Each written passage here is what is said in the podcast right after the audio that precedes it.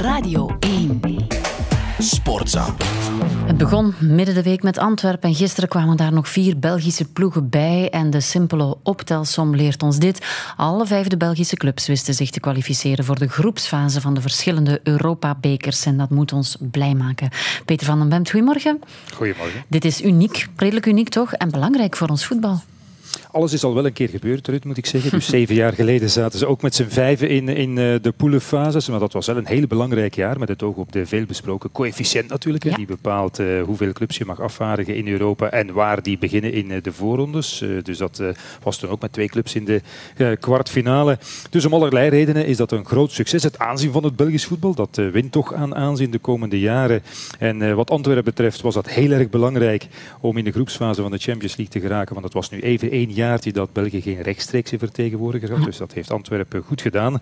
En plaats 8 op de ranking wordt zo wat geconsolideerd als belangrijk. Hè, met het oog op de vernieuwde Champions League vanaf volgend jaar in een nieuw systeem garandeert dat ook voor de komende jaren, dankzij het goede jaar van vorig jaar, ook nog wel een rechtstreekse tegen, eh, of deelnemer natuurlijk. Een hoop geld. Ik heb op Sporza gelezen dat er sowieso bij startgelden al 35 miljoen wordt geïnjecteerd in het eh, Belgisch voetbal. Dus dat eh, kunnen ze wel gebruiken, want ze hebben de voorbije jaren flink wat eh, financiële klappen gekregen natuurlijk, hè, door de overheid die maatregelen genomen heeft, corona enzovoort enzovoort. Dus dat is allemaal heel erg goed. En dan vraag je je af, ja, moeten we daar nu conclusies uit trekken? Hè? Zoals ik op het einde van vorig jaar heb gezegd, ook niet te veel over de plaats van het Belgisch voetbal in het Europese voetbal dan na één seizoen. Maar kijk, als je nu al twee jaar op een Ja. rij goed presteert en ze kunnen dat nu bevestigen in, eh, in de poelenfase, ja, dan kan je toch al zachtjes aan van een trend spreken en misschien al ook iets structureels, maar dat moeten we natuurlijk afwachten. Ja, misschien staat onze competitie wel weer ergens. Hè? Club Brugge heeft er wel een thriller van gemaakt tegen Osasuna. Van 0-2 naar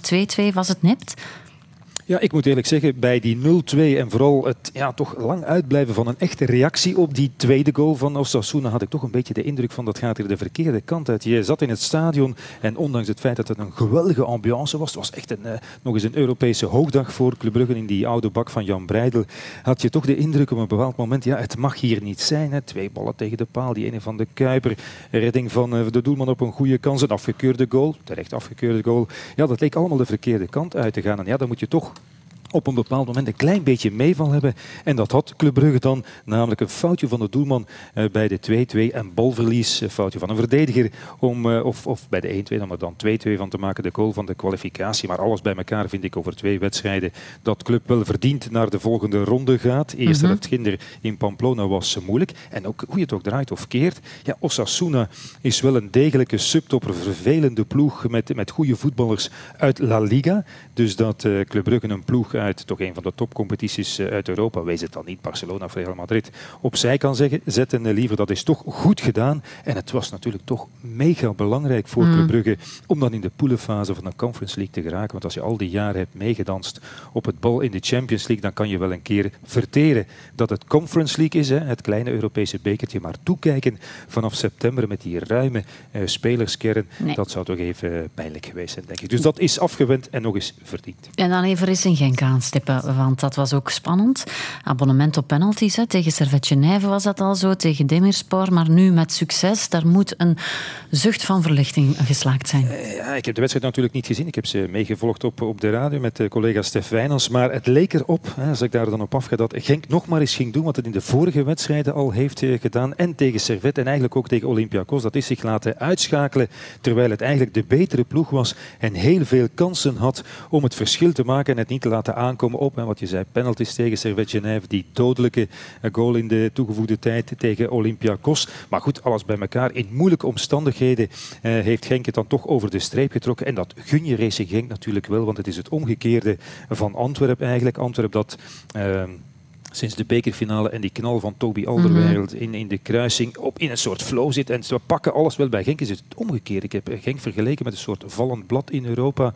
Je droomt van de Champions League, je fladdert naar beneden Europa League en dan ben je daar helemaal net voor je de goot wordt ingestuurd. Kan je je dan toch plaatsen voor de Conference League. Dat is ongelooflijk belangrijk. Dat is wel verdiend voor Racing Genk. Ze hebben er keihard voor gewerkt. Met dank ook, dat was in de vorige wedstrijden ook al zo, aan een uitstekende eh, doelman van de Voort. En dat Genk dan na veel mislukte en strafschoppenseries zich er dan doorvoetbalt, is, is goed en wel verdiend. Want we hebben vorig jaar vaak de lof gezongen van Racing Genk, heeft onze competitie kleur gegeven. Ja. Is er dan op dramatische wijze niet in geslaagd om zelf kampioen te worden, dat ze dan mogen voetballen, uh, Europees in die, in die Conference League. Ja, dat gun je de Limburgers natuurlijk wel.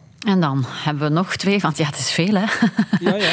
Agent en Union, die kwalificaties. Um, ja, dat is toch ook niet slecht. Wat moeten we daarvan onthouden?